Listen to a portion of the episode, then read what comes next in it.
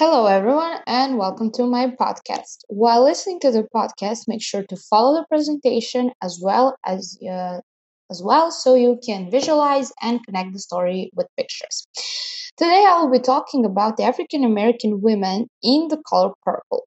So, the color purple is a 1985, 1985 African coming of age period drama uh, film directed by Steven, Spiel, uh, Steven Spielberg, and it was based on 1982 novel uh, of the same name by Alice Walker. So, The Color Purple is written from the point of view of female African American characters who are oppressed primarily by African American males. African American men not white slave owners, are the oppressors, and African American women are brutalized, mistreated, and effectively condemned to domestic and sexual slavery. Overall, it is about the inequality and injustice that primarily occurs within the um, uh, African American community. The color purple documents the traumas of Celie, an African American teenager raised in rural isolation in Georgia. Celie narrates her life through painfully honest letters to God. These are prompt when her abusive father warns her not to tell anybody but God after he rapes her and she becomes pregnant for a second time at the age of 14. After having both of her children taken away from her, the time came for her to be forcefully married to the widowed Albert or Mr., how she calls him throughout the movie. So, this is an example of Celie being frightened by the dominant male figures who abused her, both her father in her childhood and her husband throughout marriage. Therefore, she does not even have the courage to call her husband by his first name, rather refers to him as her master. We can also notice this kind of a servant master relationship they have rather than a husband and wife one. The color purple gives an example of Celie as an African American woman being treated as a servant, or we can even say as a slave, not by a white slave owner, but by an African American male, who is also her husband. However, at the very end, Celie manages to leave her husband and comes into her own and creates a successful business selling tailored pants. So when Celie finally breaks free of Albert, or Mr., how she calls him, and patriarchal society, she becomes a person rather than an oppressed woman. Her transformation into a full, unrepressed woman is symbolized by pants. For most of her life, Celie never wore pants because she and the society she lived in considered pants to be men's clothing. When Celie decides not only to wear pants, but to start a successful business in making pants for both men and women, she has become free from gender stereotypes. Pants, therefore, are a symbol of liberation from patriarchy. But before we get to the end of the story, let's meet women who contribute to Celie plucking up the courage and escaping from her life as a servant and becoming independent. So the first one is her sister Nettie. Nettie is Celie's younger sister, who her husband originally wanted to marry, but their father gave Celie's hand in marriage instead, since he saw her as ugly and therefore as valuable. Though younger than her sister, Nettie often acts as Celie's protector. Nettie is highly intellectual and from an early age recognizes the value of education. Therefore, she has an influence on Celie to start learning to read and write. The two sisters promise to write to one another so they can stay connected. Throughout the movie, we can see Celie's face lighting up every time a mailman passes by the house, and those were the rare moments where we could see that she, that uh, she still has hope. Since she states in the movie that her sister is the only person in the world that loves her. However, even though Nettie is smart and ambitious, Albert effectively silences her by secretly hiding her letters from Celie. That is the part where Celie starts writing letters to God. In the meantime, Nettie writes to her sister from Africa, and the letters play an important role in the story.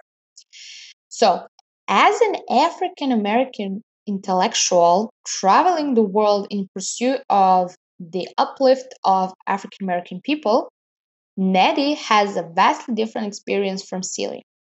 Yet her letters, which recount the problems Nettie encounters in Africa, show that the oppression is universal the oppression of women by men, of African American by white people, and even of Afri- African Americans by the African Americans themselves. So, this racial and cultural conflict and oppression net encounters in Africa parallels the abuses and hardships that Celie experienced in Georgia only on a smaller scale. Uh, then we have Sophia. Sophia, as you could see uh, from the slide uh, and from the picture, um, Sophia is played by Oprah Winfrey in the movie. So um, Sophia has been brought up uh, brought up in a male-dominated household where she and her sisters literally had to fight off their father, brother, and cousins. She's not only determined to be independent, but also has the physical strength to assert her authority over her, over her husband Harpo. Harpo is Albert's son, therefore Celie's stepson. So when Harpo tries to beat Sophia, she is more than capable of standing up for herself and inflicting equal damage on her husband. This can be seen as an example of her and Celie both growing up in violent households. However, Sophia chose to fight where Celie stayed a victim. In the South in 1930s, where an African American woman was a virtual prisoner in the system, in a system where white men control the state and African American men control their households, Sophia shows an example of a woman who wants to fight for a partnership relationship in marriage, not a master servant relationship. She's strong, fierce African American woman who refuses to lessen or belittle herself. Not only does she refuse to be beaten and belittled by her husband, but also to be a white woman's maid. She rejects completely the systematic oppression that engulfed the position of the African American women. In that system, African American had to remain absolutely subservient to white people, both economically and socially. Unfortunately, her spirit is eventually crushed and she is forced to work, first without uh, pay in prison doing laundry, and then with pay as the white mayor's family maid. During her years of confinement, both in prison and in the home of the mayor, Sophia fueled is fueled by hatred and murderous thoughts, but also learns from Celie's example to submit and disassociate herself from what's happening. In this way, she retains her fighting spirit and dignity despite the brutal and humiliating injustice that she suffers. In some ways, Sophia is similar to Celie, in that she shows strong endurance and courage in the face of deep suffering. So it is not surprising that the two women form a strong bond of friendship that lasts throughout the story. Then we have Shug Avery. Is blues singer and Celie's husband's mistress. Although Shug's affair with Albert has lasted for many years, she has deserted the children they have together. So, uh, being a blues singer is central to her character. The blues are the simplest form of jazz, like Shug is the simplest form of sugar. And the word jazz itself become, comes from a West African word figuratively meaning life. Therefore, Shug brings a sense of life to her audiences with her singing, and of course, she brings Celie to life. Uh, what's, a um, what's untypical for the time in which the story is set is that Shug is a rich and successful African American performer, having made enough money to build a large house in Memphis and run a car. Her clothes are elegant and of high quality, and she takes pride in her appearance. Our first impression of Shug is rather negative since she comes to Albert and Celie's door um, and looks uh, in the face and tells her, Well, you sure is ugly. However, Celie immediately sees something more in Shug. When Celie looks at Shug's photograph, which Albert, which, uh, Albert has framed uh, on the desk, not only does Shug's glamorous appearance amaze Celie, but Shug also reminds Celie of her mama. So we can see that from a scene in a movie where she looks at the picture and says mama. So we can see her comparing Shug to her mother throughout the story. Unlike Celie's real mother, who was oppressed by traditional gender roles, Shug refuses to allow herself to be dominated by anyone. Shug has fashioned her identity from her many experiences instead of subjecting her will to others and allowing them to impose an identity upon her. Um, so be so by being this original, uh, unique kind of African American woman in this story, one of this one of the things that strikes us most forcibly about Shug is her original concept of God, particularly when we compare that concept to the limited limited concept of God Celia has and believes in, um, Shug realizes that although churchgoers may condemn her and her glowing lifestyle, God Himself does not condemn her because He is everything, and she postulates that it is a sin to be miserable and unappreciative of the world and its beauty. Um, as Shug's relationship with Celie develops, Shug fills the role of a mother, sister, teacher, and a friend. Uh, there's also a part in the novel which describes her as Celie's lover, and there is a part which describes Celie being jealous of Albert since he has Shug's affection, which she does not get. Um, however, in the movie, uh, this part is not that um, deeply described. So, despite Shug's unpredictable nature and shifting roles, Shug remains Celie's most constant friend and companion throughout the novel.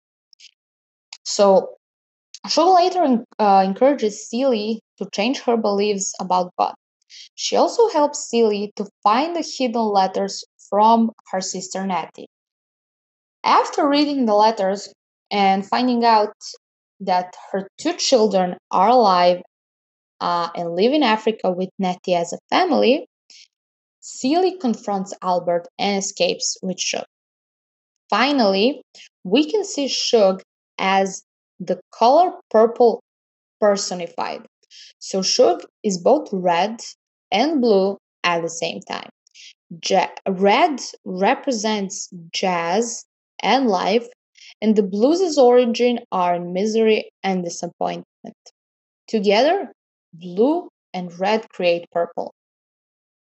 To conclude, the color purple represents all the good things in the world that God creates for men and women to enjoy.